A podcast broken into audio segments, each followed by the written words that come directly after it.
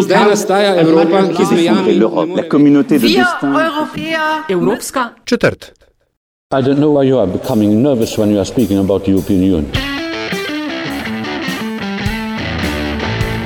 Spoštovane in cenjeni, dobrodošli v podkastu Evropska četrt, podkastu o vsem, kar vas bo zanimalo o Evropski uniji, pa niste vedeli, koga vprašati. Evropsko četrt vodi vam Aljaš Pengov Bitenc, Radio Chaos. in Nataša Briški, Metina Lista. Podcast domuje na spletni postaji metinalista.sim, v vašem nabiralniku pa sveža epizoda takoj, ko je spečena in pripravljena za konzumacijo. Tema tokratne posebne epizode je Brexit, da nama pomaga razumeti aktualno dogajanje, ki je enega od vrhuncev doživelo potem, ko so britanski parlamentarci zavrnili izpogajan sporozum o izstopu iz Evropske unije in hkrati izglasovali zaupnico premijejki Theresa May. Sva poklicala nekdanjega dopisnika Radia Slovenija, Matjaža Trošta, ki se je po dolgih letih v Bruslju vrnil v Slovenijo. Na zadnje, Matjaž, smo klepetali oktober 2014, se mi zdi, ne? Uh, Bratušek, Evropska komisija, kandidatura. Ja, tiste je bila tudi eh, zanimiva časi? zgodba. Ja, tiste je že skoraj pozabljena, ampak uh, bo pa zelo kmalo, ne, pač ne bo verjeten uh, Bratuškova dve, ne, ampak bo pa kmalo to, ta debata o tem, kdo bo naš uh, slovenski evrokomisar. Um, Ja, bitka se že za, začenja, se postavljajo v vrsto, lobirajo in se trudijo biti vsi čim več, vsi zainteresirani, čim več v medijih, da si izboljšajo pozicije. vsekakor. Je, je pa res, seveda, ne, da je veliko vprašanje, koliko bo komisarskih mest. Ja, lej, en kup stvari je odprtih. Uh, Matjaš, ti si zdaj eh, po dveh mandatih uh, v Bruslju, kot dopisnik v Bruslu, si zdaj nazaj v Sloveniji. Koliko časa? Od septembra dalje lani. Mhm, bil, je bil pristanek mehak? Uh, še vedno pristajamo. um, ne, v bistvu um, pristanek sam po sebi zaradi službe ali pa teh delovnih obveznosti je bil relativno mehak. ne. Uh, vse, kar je razlika, je, so recimo te konceptualne razlike, ki jih niti ne bi opazil, če ne bi živel v tujini 8 let. Uh, to verjetno tudi Aljaš pozna, ne, uh, različne pristope. Uh, Pa naj si bo to z otroki, a ne, a, v šolah, vrtcih ali pa potem tudi a, na delovnih mestih. A, Jaz imam tukaj v Ljubljani občutek, da se nihče zares ne bori ne, za svojo plačo, medtem ko tam v Bruslju sem imel pa občutek a, na vseh teh briefingih, a, da so novinari kar iskali zgodbe samo zato, da bodo lahko preživeli. Ne. Tukaj je pa v bistvu dejansko lahko z neko relativno dobro socialno oporo um, iščemo, delamo um, na nek normalen način. Um, Matjaš, poklicala sva te, ker želiva o Brexitu govoriti in aktualnem dogajanju. Ti si ga seveda še ujel, ko si bil v Bruslju in spremljaš vse skupaj še dalje. Uh, čist mogoče na začetek, eh, prve misli tvoje, no, uh, občutja, asociacije ob tem, kar se je. Uh, zgodilo in dogaja. Torej, Britanci so zavrnili sporazum, za katerega se je uh, njihova premijejka uh, pogajala skoraj dve leti. Ne? Ja, to je um, v bistvu na koncu pričakovan izkupiček. Ne? Ampak uh, meni v tej zgodbi predvsem zanimivo to, da v vsem tem času uh, Teresa May ni niti iskala nekega domačega soglasja glede tega dogovora, ki ga je potem postavila pred poslance, da so o njem glasovali, uh, ker to počne šele zdaj, ne? ko je vse skupaj padlo, je uh, prišla pred poslance in rekla, no zdaj pa vi meni povejte, kaj želite. Ne? Predtem pa je zadevo vodila kot da je ta del, tisti nepomemben del. Ne? Uh, skušala je nekako uh, se pogajati z Brusljem, dajala vedeti, da Bruselj želi neke nore stvari, uh, obenem pa doma ni. Uh, Na pravi način iskala te parlamentarne podpore, in to je tisto, kar jo zdaj davi. Ne? In um, v bistvu zdaj se je Sej, pri, njej, pri njej je v bistvu zelo očitno, da ona sama uh, ni na začetku verjela v Brexit. Ne? In to se zdaj tudi pozna, zaradi tega, ker v bistvu um, njen, njen pristop je bil tak, da bomo pač se dogovorili o nekem, o nekem dogovoru, o nekem sporazumu in potem bo to Brexit. Uh, pozabila pa je, da so pač tisti, ki so v njeni stranki, recimo Brexitiri, ne, ti, ki so za trden Brexit, za prelom, takošen prelom uh, 29. marca, v bistvu pa mislili, da je Brexit nekaj povsem drugega. Ne? In um, mene je vedno fasciniralo, ne, ko, so, ko so britanski uh, predstavniki hodili v Bruselj, pa tudi poznaje, ne, ko so govorili Brexit means Brexit. Ne, in noben pa ni potem se dejansko vprašal, kaj pa to zares pomeni, ne, kaj pa ta Brexit sploh je. In zdaj smo dobili neko obliko Brexita in zdaj ugotovili, da to ni to. Ne. Mm. Uh, Matjaš, zdi se, ne, da je pravilno se seveda ugotovil, po mojem, ne, da, da šele zdaj prihaja ta stik z realnostjo, ne, češ, da je treba več, na več koncev se tudi znotraj Velike Britanije uh, pogajati, oziroma stik z realnostjo za turizem. Ampak uh, predvsem se zdi, da se je na relaciji Bruselj-London ta dialog v bistvu na različnih ravneh um, um, odvijal. Medtem ko je Bruselj, ekipa okoli Mišela Banjeja, uh, ustrajala, skozi govorila pri tem, da gre za pravni, za legalni proces izstopa in pogajanja in ugotavljanja nadaljnega. Nadaljnega uh, um, od, vrste odnosa ne, med, med Veliko Britanijo in EU, je pa London vedno go govoril o neki dinamični, kreativni politični rešitvi, ki bo na koncu itak nekako sprejeta. David Davis, ne, nekdaj, zdaj že nekdanji uh, minister za Brexit, je večkrat tako famozno dejal, da EU itak se tik pred zdajci se vse zmeni in nekako računal, da, da bo pa Bruselj kar nekako popustil in, in, in se prilagodil uh, zahtevam Londona. Hkrati pa nihče v resnici ni znal povedati, kaj te zahteve so. Ja, in to je še vedno pač problem, ne? ker še vedno ne vemo, kaj so te zahteve britanskih uh, poslancev, kaj si oni pravzaprav želijo v tem Brexitu. Ne? Ker po eni strani govorijo o tem, da mislim, to je zanimivo, je, ne, da če ti recimo zapustiš nek zakon ne, in potem od žene terjaš, da, da ona uh, tebi nekaj da, zato ker si ti uh, rekel, da jo imaš dovolj in greš ven. Um, zdaj pa pričakuješ, da bo pa ona tebe prosila, da pridi nazaj, ti nosila darove in podobne stvari ne gre. Ne? Malce neka sprevržena logika. Ne? Meni, te, meni je v spominu ostala anekdota ne? tam v Bruslju, ko so bili vsi začudeni, kako britanski eh, pogajalci hodijo hladno na, ta, na te sestanke, um, ne, ne povejo nič novega, ne povejo nič konkretnega in so vsi si predstavljali, da je to neka super, sjajna uh, taktika, pogajalska taktika znamenite uh, britanske uh, diplomacije, na koncu pa se je izkazalo, da je v bistvu za vsem skupaj ni nič. In, in to je problem. Ne? In tudi drugi, uh, potem minister za Brexit, potem ko je izpogajal uh, ta dogovor z, uh, z, z Brusljem, je v bistvu dan poznaje odstopil. Uh, se pravi, nihče tam ni zares verjel v ta dogovor, ki ga je uh, britanska vlada sklenila z Evropsko unijo. In to se pač vidi, če v nekaj ne, ne verjameš, potem tega tudi ne moreš prodati.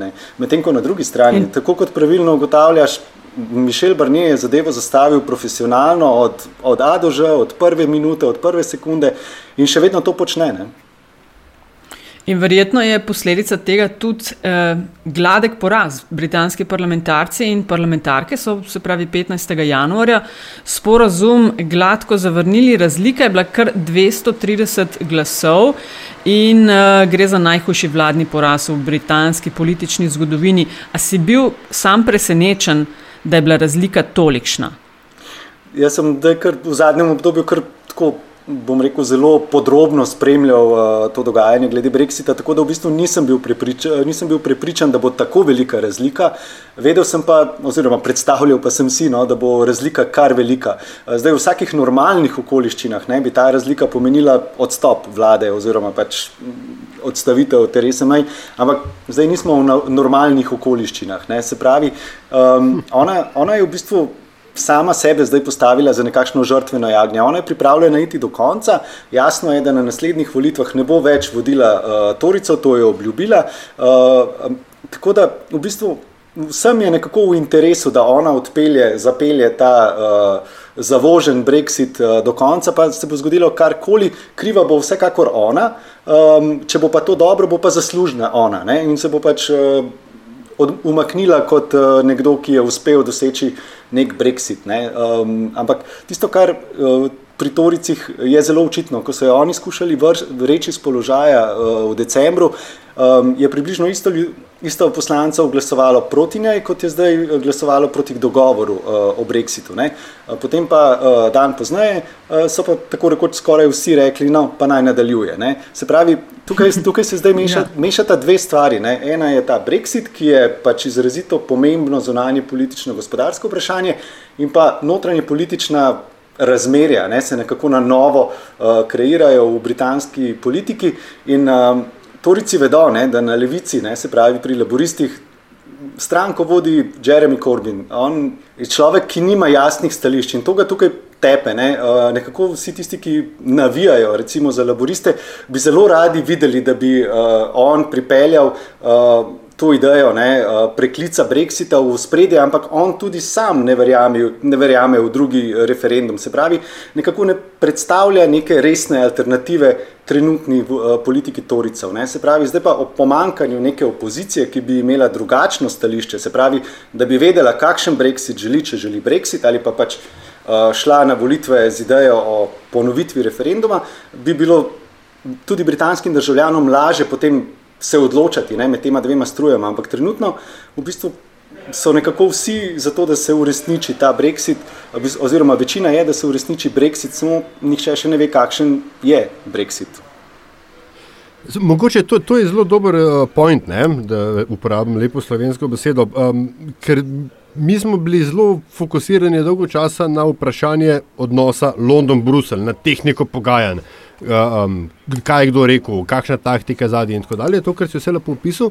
Ampak tista glavna dinamika ne, je pa v bistvu v tem uh, boju za oblast ne samo med laboristi in konzervativci, ampak tudi znotraj obeh teh strank. Ne, ker ta, ta um, se pravi, leave, remain, ne, oziroma ostati ali pa izstopati, uh, dihotomija ni levo-desno, ampak je znotraj obeh strank razdeljena. In imaš Liverja na obeh straneh, imaš Remainera na, na obeh straneh, soft Brexitaše na obeh straneh. In je uh, verjetno, ne, tako, z, v zadnjih dneh se je um, iz različnih uh, evropskih krogov ta isti referendum ponavljal. Naj London ugotovi, kaj želi in kako želi to doseči, in potem pač naj pridejo nazaj z idejo. Ja, in zanimivo je, da je to zdaj nekako postalo pač jasno tudi Londonu, ne? da mora eh, nekaj, nekaj dati od sebe, neko idejo, kako si predstavlja nadaljne korake. Zdaj, mislim, zdaj smo 70 dni približno pred uh, tem datumom, ko naj bi Britanija uh, oziroma Združeno kraljestvo izstopilo iz Evropske unije, pa se še zmeraj pogovarjamo o tem, kaj sploh. Na drugi strani Rokavskega priliva želijo, hočejo, oziroma so pripravljeni dati, sprejeti, zato da uh, bomo tudi po 30. marcu recimo tako, v navednicah, prijatelji. Hmm. Uh, en, evo, prosim, tač, eno vprašanje, ki si že rav, ravno ta 30. marca omenil. Zdaj, um, če se nič ne zgodi, zaradi funkcije uh, člena 50, Velika Britanija takrat preneha biti članica Evropske unije. Um, kako zelo. EU je seveda pripravljena na to, ne, ker sprejema neke nov del scenarije in tako dalje. Ampak, imaš ti kakšen občutek, kako zelo, če sploh pa je na to pripravljena Slovenija, oziroma ali bi morala biti posebej pripravljena? Ja, jaz mislim, da te pogovori, ki smo jih imeli v zadnjih dneh, eh, tudi recimo na gospodarski zbornici, pa v, en, pa v radijskih oddajah, ki smo jih imeli, kažejo na to, da v bistvu. Kakšnih razlogov za posebne priprave v Sloveniji niti ni, ne? ker Slovenija niti ni tako zelo močno vezana na uh, britansko gospodarstvo, uh, pa seveda neki, neka škoda uh, bo, ne, ker pa carine bodo uh, neka posredna um, gospodarska uh, vpliv, neki posredni gospodarski vplivi, seveda bodo, ampak to je relativno malo. Ne. Tudi sicer ne, v Evropski uniji nekako prevladuje stališče, da, uh, da bolj gre za za politične posledice ne, in pa neke psihološke posledice, ki bi lahko uh, nekako pač vplivali potem in na gospodarstvo in na samo politiko v Evropski uniji. Vse Brexit v tem psihološko-političnem smislu v bistvu že nekako vpliva. Ne. Nekako je trenutno mišljeno, da ni več države, ki bi se spuščala po tej, uh, po tej strmi uh, lestvi navzdol. Um, medtem ko v tem gospodarskem smislu je pa zdaj v bistvu zelo težko reči, kaj bo potem na konec koncev izkupiček. Sej, uh, treba se zavedati, da pač Evropska unija in Združeno kraljestvo imata več kot 30 let izrazito skupnega sodelovanja. Ne? In tudi v tem skupnem sodelovanju je, imela, je imelo Združeno kraljestvo več teh opt-outov, se pravi, da pri nekaterih stvarih ni sodelovalo in tako naprej.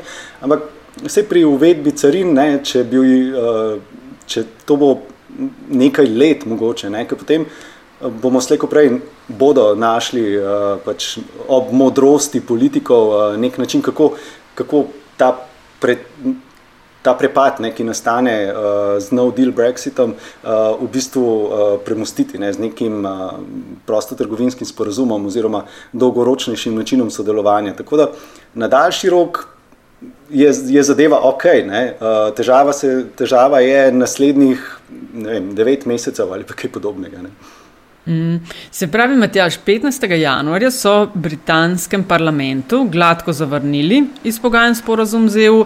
Dan kasneje, 16. januarja, je May dobila zaupnico, da torej še naprej vodi uh, britansko vlado. Katere možnosti zdaj ostajajo na mizi? Ja, še vedno vse ostaja isto. Uh, v osnovi scenarijo je lahko milijone, ne? ampak uh, nekako izkupiček teh scenarijev uh, gre pa v tri, tri smeri. Eno, en, en scenarij vodi v izstop brez dogovora, se pravi, če se nič ne zgodi, potem uh, Združeno kraljestvo. 29. marca izstopi iz Evropske unije. Uh, drug scenarij je nov dogovorjen Brexit, se pravi nek kvazi dogovor ali pa nek mini dogovor ali pa kar nek maxi dogovor, ne, ki naj bi ga zdaj sklenili v 70 dneh, kar je glede na to, kako so potekala pogajanja doslej, malo verjetno. Uh, tretja možnost je pa pač preprosto preklic Brexita, se pravi ali uh, preložitev datuma, ampak prošnja za to mora priti iz Londona, um, ali pa pač, da se preprosto umakne uh, člen 50 in uh, vse ostane tako, kot je. Mhm, govorimo zdaj več čas omenjamo ta 50. člen, se pravi, gre za del Lizbonske pogodbe, ki ureja možnosti, če želi kdo uiti, uh, uiti, oditi iz Evropske unije in kako se to naredi. Uh, omenil pa si zdaj podaljšanje, ki se tudi omenja. A, je, a so Britanci tisti, ki morajo zaprositi, ali kot se sliši iz britanske strani, tudi um, Evropska unija bi bilo fino, da nam to ponudi. Ja, logika je jasna. Britanska vlada mora pač dati neko prošnjo z nekim dobrim razlogom, se pravi, ali predčasne volitve, ali referendum, ali priprava zakonodaje, ali karkoli tretjega. Samo rabi neki verodostojen razlog za to, da se pač uh, datum Brexita prestavi. Zdaj, za koliko časa, to je drugo vprašanje, ker smo v letu evropskih volitev.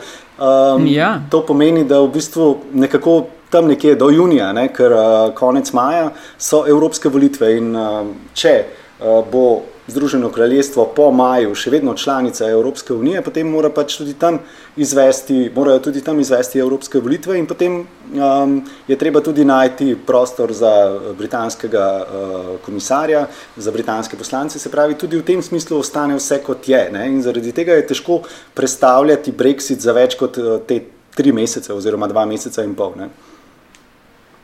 Um, mogoče še, še, še to. No? Um, Malce se zmedel, namreč ravno ker gledam um, anketo, ki jo je britanski Jugov Polster objavil.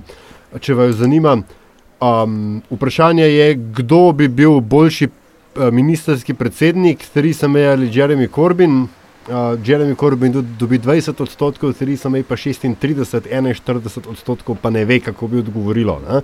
Tako da o zmedenosti, ne samo politike, ampak javnosti, mislim, da je več kot dovolj um, empiričnih podatkov.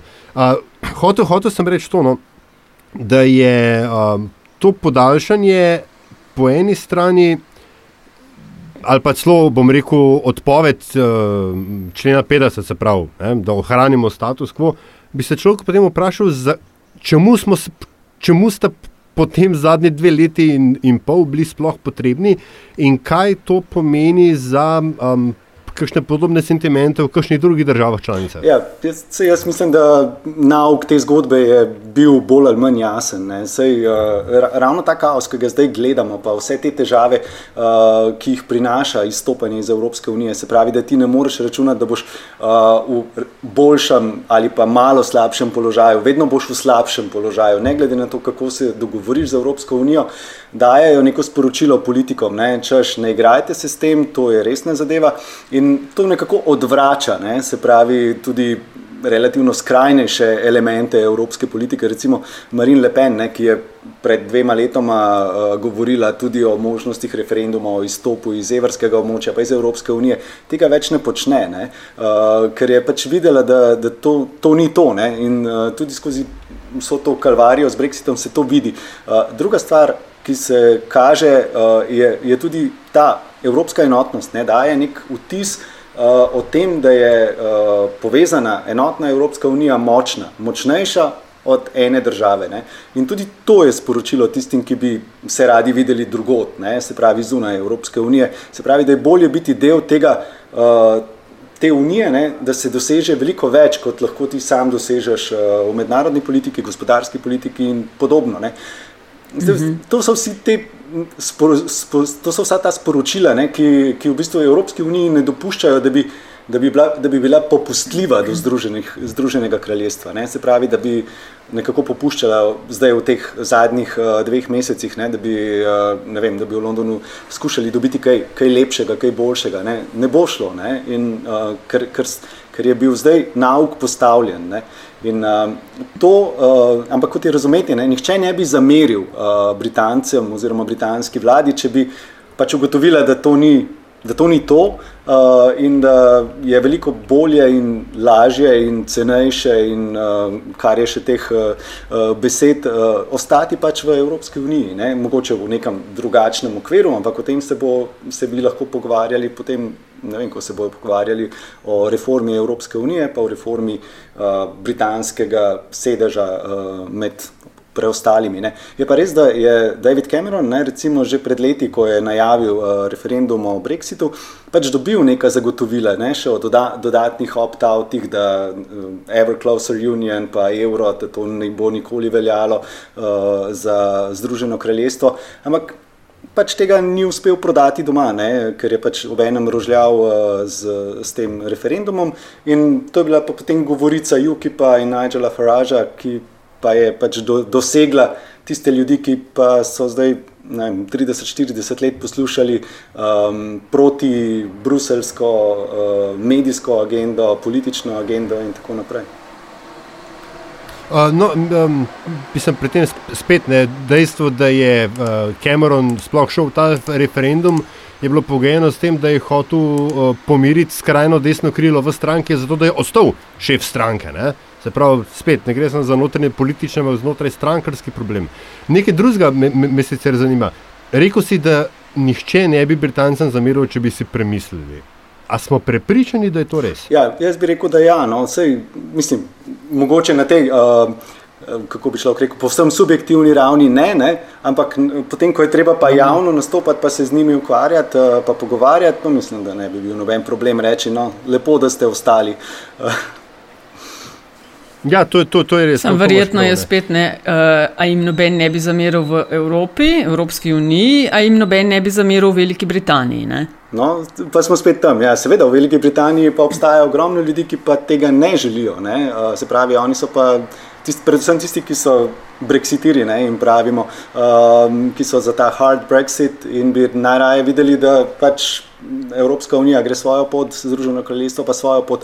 In če, če se še malo stavimo pri tej notranji politični britanski sliki, ne, sej, ko govorimo o drugem referendumu ali pa predčasnih volitvah, ne, to, kar si uh, povedal, ne, da ne vidijo Jeremija Corbina kot voditelja vlade, um, to je točno to. Ne. Nikakor ne moremo predvideti, da bi ljudje na drugem referendumu, če bi bil, uh, pa izglasovali pa obstanek v Evropski uniji. To je, to je popolnoma nemogoče reči. Ne. Točno to. Točno to, ja, Matjaš. V bistvu bi vam z obema delila eno raziskavo, na katero sem prav danes, ko to snemamo, uh, sem jo našla in sicer govori, ker si prej omenil medije. Ne, kakšna je bila vloga medijev pri poročanju o uh, referendumu in kampanji za odhod iz Evropske unije. Ne. Analizirali so Reuters Institute uh, for Journalism. Analizirali so, kakšno je bilo poročanje britanskih medijev ne? in kaj so glavni izvlečki, da je večina poročanja šla v smeri pro-live uh, biasa, torej večina jih je poročala v smeri odhoda Britanije iz Evropske unije, da je bilo od člankov, ki so bili fokusirani na referendum iz 2016, 41 odstotkov so bili za odhod in 27 odstotkov za to, da Britanija ostane v Evropski uniji. Da je bilo glavno vprašanje eh, ekonomija oziroma gospodarstvo, šele potem suverenost in pa migracije, da je bilo 64 odstotkov britanskih politikov in političar, ki so jih citirali v svojih člankih, je bilo konzervativcev in vsega 17 odstotkov laboristov da je bil, da se je Cam, ne Cameron, uh, Corbyn, se je, je bil citiran v vsega treh odstotkih uh, člankov o tem. Ni, je bil med, o, šele na osmem mestu med najbolj citiranimi, medtem ko sta na prvih dveh mestih bila uh, nekdani premijer Cameron in pa Boris Johnson. Uh, skratka, mediji, sodeč po tej raziskavi, so zelo konkretno vlogo igrali. Eh, ali pa vplivali mogoče tudi na končni izid. Kaj meniš, Matjaš? Ja, jaz mislim, da so pripomogli ne, eh, k temu, da se je pač eh, referendum odvil tako, kot, je, kot se je. Ampak sej, ta britanska zgodba je, ima svojo predzgodbo, ne, ker oni so. V, v medijskem in političnem uh, svetu ne, dejansko bili zelo euroskeptični vseh teh 35 let članstva, in ta debata ne, je bila samo tista nekašna smetana na torti. Ne? Se pravi, dve leti take razprave na 30 let podlage in v bistvu tam se mm -hmm. potem zelo hitro potrdijo neka sumničenja, da nam uh, Evropska unija hoče nekaj vzeti, da Bruselj nam uh, diktira, kako, uh, na kakšen način morajo rasti banane ali pa uh, kumarice. Se pravi, to so te neke urbane legende, ne, uh, ki se potem potrjujejo z vsakim uh, za vsako referendumsko politično kampanjo. Ne, se pravi, ker, ker konec koncev ne, uh, vse to, ne, taking back control, vse v bistvu naj, najtežje, uh, najtežje vprašanje. Uh, Kadar, si, kadar želiš pač vzeti nazaj nadzor, uh, je to, ne, koliko ljudi je s tabo. Ne. Se pravi, v tem primeru, koliko držav je na tvoji strani. Zdaj, ker Združeno kraljestvo ostaja v Evropi, ne, uh, bo ugotovilo, da v tem gospodarsko-političnem smislu ostaja samo. Ne? Se pravi, a je to res tisti taking back control? Ne? Ker v bistvu, če bi ostalo znotraj Evropske unije, se povezalo še z nekaterimi drugimi članicami, bi mogoče pa Evropsko unijo spremenili na ta način, da bi pa dejansko lahko prevzeli del nadzora nad tistim, kar jih je motilo. Ne? In to je tako, ne? Mislim, težko je biti zunaj uh, nekega prostora, kjer se odloča. In, ali, in, in imeti enako vpliv, kot če si pri mizi. Ne. In to so Britanci tukaj po moje, malce zanemarili. Ne? Je res, da oni še vedno obstaja, ostajajo v NATO, kar je v tem primeru zelo fajn, ne? ker če bi pa še iz NATO odšli, potem pa bi bilo to res malce nenavadno. In pač imajo še vedno zelo veliko vlogo v tej mednarodni politiki. Ne? Ampak tisto, kar pa, kar pa manjka, je pa. To, da bi lahko odločali o političnih, eh, če odidejo, seveda, ne, da bi lahko odločali o političnih uh, smerih, poteh, uh, te bližnje soseščine, ne, se pravi na Irskem, prek Bruslja, seveda, pa potem v Franciji in pa drugot. Ne. In uh, to je tisto, kar jim bo manjkalo. Ne. In to ni zdaj, da ti vzameš nazaj nadzor, če prepustiš uh, nadzor nekomu drugemu. Ne. Ja, se to je bila ena, ena tako dogotovitev, relativno zgodaj v tej zgodbi, ne, da Britanci najboljši možen del imajo zdaj, ne, ker odločajo o vsem in hkrati imajo toliko izjem kot nobena druga država članica. Ja. Ja. Uh, hotel sem to reči, no, um, ko si uh, tako mal, da rečem, simboličen moment. 24. junija 2016, se pravi dan po uh, referendumu, ne, je uh, bila ta famozna tiskalka uh, Jean-Claude Junckera, na kateri domnevam, da si bil, ko je, ko je bila zelo kratka, ne? ko so ga vprašali, ali je to konec Evropske unije, in je rekel ne, se obrnil in šel. Um, izkazalo se je, ne, da je imel stari prav. Ja, uh, sej on. V bistvu v tej zgodbi o Brexitu se je izkazalo, da, te, uh, da je ta stara uh, klika ne, politikov v Evropski uniji bolj prav kot marsikdo drug, ne, ki je napovedoval konec, uh, ne vem, že pri grški krizi, konec uh, evra, pa potem uh, z odhodom uh, oziroma z Brexitom, konec Evropske unije in podobno. Ker v bistvu, če pogledamo ljudi, ki so, ki so, de, ki so dejali najbolj, najbolj pomirljive uh, izjave, ne, to so Juncker, Tusk, uh, pa luksemburški zunani minister. Uh, To, a, se Born, ja, se pravi, to so ljudje, ki so že dolgo v tej evropski politiki, ki so neki izrazito proevropski uh, politiki in imajo neko kilometrino, na podlagi katere so ugotovili, da lejte, pač, širili smo se, zdaj se bomo malo zožali, ampak potem se bomo pa spet širili. Um, se pravi, gre, gre, gre v bistvu za neko. Uh, v bistvu, za odločenost, ne, bi jaz rekel, ne nujno za, za to, da ti na podlagi nekih slabih razmer uh, pač oceniš, kaj se bo zgodilo, če bo tako, če bo tako, če bo tako, ampak potem ti izbereš ne, neko smer, ki bi jo rad zasledoval. In, in to je ta razlika ne, med, uh, med temi. Ki imajo malo, ve, malo več kilometrine in tega smisla za kompromise v Evropski uniji, uh, da vidijo, kdaj je treba v bistvu ustrajati na tem, uh, da je nekaj v redu in kdaj je lahko rečemo, ok, bomo se o tem pogovarjali. Ne? In tukaj uh, pri Brexitu je ta odločenost ostati enoten, ostati Evropska unija popolnoma predvladala nad vsakršnimi razlikami. Nehali so se pogovarjati o, o težavah pri migracijah, nehali so se pogovarjati o tem, zakaj nekatere države nočejo sprejemati uh, beguncev, zakaj druge ja, uh, kdo bo za to plačal in podobno, se osredotočali na tiste stvari, kjer so skupaj, ne, kjer se uh, pač ta stališča prekrivajo, in igrali eno zelo zrelo igro. Ne, se pravi, mi smo enoten blok, ki želi doseči to in to in to. In potem, ko imate neko tako podlago, ne, da veste, kaj želite, je pot tja veliko lažja, ne, kot pa zdaj v britanskem primeru, ko rečete, mi bi šli radi ven, ne vemo kako, ne vemo na kakšen način, ampak bomo že. Mhm. Predsednik Evropske komisije Juncker je uh, dejal, da bo EU nadaljevala pač proces ratifikacije sporozuma o, o izstopu. Zdaj citiram. Ga citiram, sporozum je pošten kompromis in najboljši možen dogovor, ki manjša škodo Brexita za državljane in podjetja v Evropi in prav tako je to edina pot, ki zagotavlja urejeni stop Združenega kraljestva iz EU. Večkrat si že omenil to enotnost EU. Eh, pogojalski proces so vrhunsko izpeljali trojka Juncker, Tusk, Barnier. Čeprav je bilo veliko strahu, ne, kako se bo vse skupaj raztreščilo, kako bo šla vsaka od držav po svoje in iskala neke bilateralne sporazume. Um, čistko, a si bil osebno presenečen, da so, smo, je Evropska unija tako držala skupaj in misliš, da to uh, je tudi garant, da bo tako tudi vnaprej? Uh, jaz mislim, da to garant ni, ampak uh, nisem bil pa presenečen, da so tako zelo držali skupaj, ker je bilo. V tistem trenutku, ko se je to zgodilo, je bilo jasno, da, uh, da je cilj katerekoli politične oblasti uh, v katerikoli članici Evropske unije v tem trenutku to, da se kaj takega ne ponovi.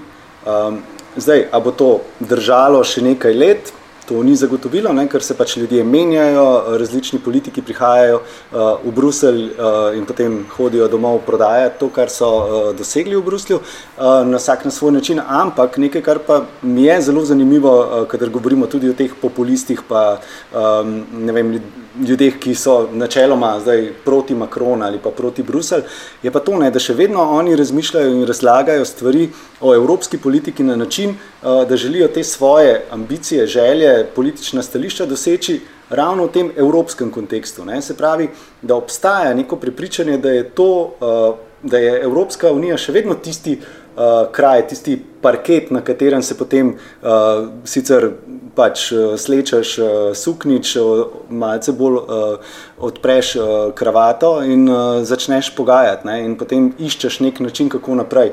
Tukaj v tem smislu je nek garant, ne? ker obstaja še vedno nek konsens, da je znotraj, pa predvsem zdaj s tem Brexitom in uh, tako bolje kot biti zunaj. Ne?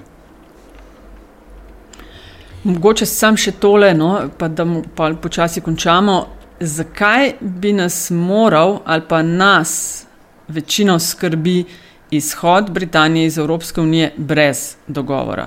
Zakaj nas mora to skrbeti?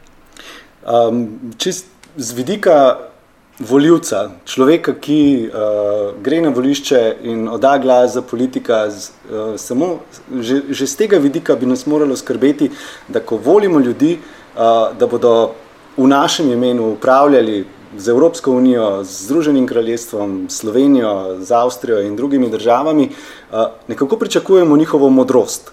In, uh, zdaj, če, bomo, če bojo politiki v tem izhodu uh, Združenega kraljestva pokazali, da te modrosti ni. Se pravi, se bo tako na neki simbolni ravni se lahko zmanjša neko zaupanje in v sam proces uh, politike, uh, v volitve. In že zdaj imamo težavo, kadar gremo na evropske volitve, uh, udeležba pada, uh, na zadnje je bila dobrih 42 odstotkov, pa so imeli idejo špicen kandidatov in podobno.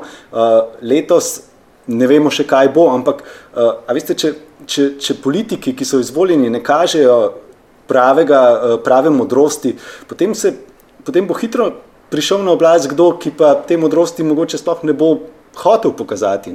In, Ali pa bo kakšne rokohitrske rešitve ponujal. Tako, ja, in tukaj imamo zdaj en primer, ne, kjer vsi govorijo, da je no deal Brexit je scenarij, ki ga nihče noče, in obenem, uh, če ga ne bojo preprečili, bodo dali pač jasno sporočilo, da so, ne bomo rekli, nesposobni, ne, ampak očitno nekaj potem ni bilo v redu ne, s temi ljudmi, ki so vodili ta postopek, če se ne morejo dogovoriti. In um, je pa res, ne, da v Evropski uniji vedno potem uh, izpostavljajo, ne, kadar se, kadar se uh, kakšna juha preveč hitro uh, začne jesti in je prevroča, ne, se vedno govori o tem, ne, uh, o kompromisih 5 pred 12. In to, kot kaže, je v tem primeru način, kako preprečiti hard Brexit. Ne. Se pravi, nekaj se bo zgodilo v naslednjih 70 dneh, le ne vemo še kaj. Ker smo že glih, oprosti, vse vem, vem, da se zdaj že vsem mudi, ampak uh, pri tem uh, eh, 5 pred 12 je the famous European fudge, ne, kot se temu strokovno reče. Um, Meni se zdi, da se te fudži vedno dogajajo med državami članicami.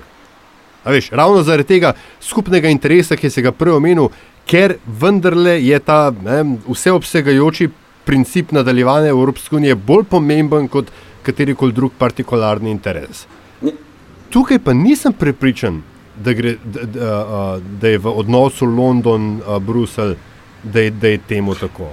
In veš, Cameron recimo, je ravno na to stavil. On je stavil, da bo 5 pred 12, da se, bo, da se bodo zmenili, da nekaj bo. Ja. Pa ja, jaz dovolj. imam tudi občutek, da Teresa May uh, stavi na to, ne? da bo 5 do 12, 5 do 12 se bo nekaj zgodilo. Ne? Uh, Um, ampak ja, sej, uh, za nami sta več kot dve leti pogajanj, časa je bilo več kot dovolj, zdaj seveda grozi še zmeraj ta hard Brexit, ne, ki bo dejansko imel politične posledice hujše, kot uh, bi imel, uh, če bo ne, uh, kot gospodarske posledice. Da, ampak pustimo se presenetiti. Sej, uh, zanimivo je, ne, da še mislim, način, kako je recimo Donald Trump prišel na oblast, pa potem kako so izglasovali Brexit. To so vse take stvari, ki jih ni bilo možno predvideti, ne? mogoče ne 70 dni prej, ampak kaj pa vem, ne? 100 dni prej ali pa kaj takega. Da, ja, 2016 je bilo kar divno ja. leto. Ja. No, tukaj, imam, tukaj imamo A, možnost, da bo tudi 2019. Ja. Ej, še nekaj. A zdaj, ki si ti iz Brusla prišel nazaj v Ljubljano in tako dalje, kako zelo, bom rekel, ta evropska dimenzija vseh teh stvari slovenski politiki ali pa slovensk, trenutnemu naboru ne, slovenske politike uh, sploh leži na duši oziroma um, jo imajo v, v, um, pač pred očmi kot, kot pomembno. Um, ja, jaz v bistvu. Še vedno, kadar pridem v Slovenijo in zdaj sem tukaj že nekaj časa, imam občutek, da se ljudje ne zavedajo, ne, da smo mi tam zraven, ne? da smo mi tisti, se pravi, da so slovenski politiki tisti, ki so soustvarjali ta dogovor o Brexitu tako ali drugače, ali pa kakšen drug dogovor, ali pa kakšno drugo odločitev.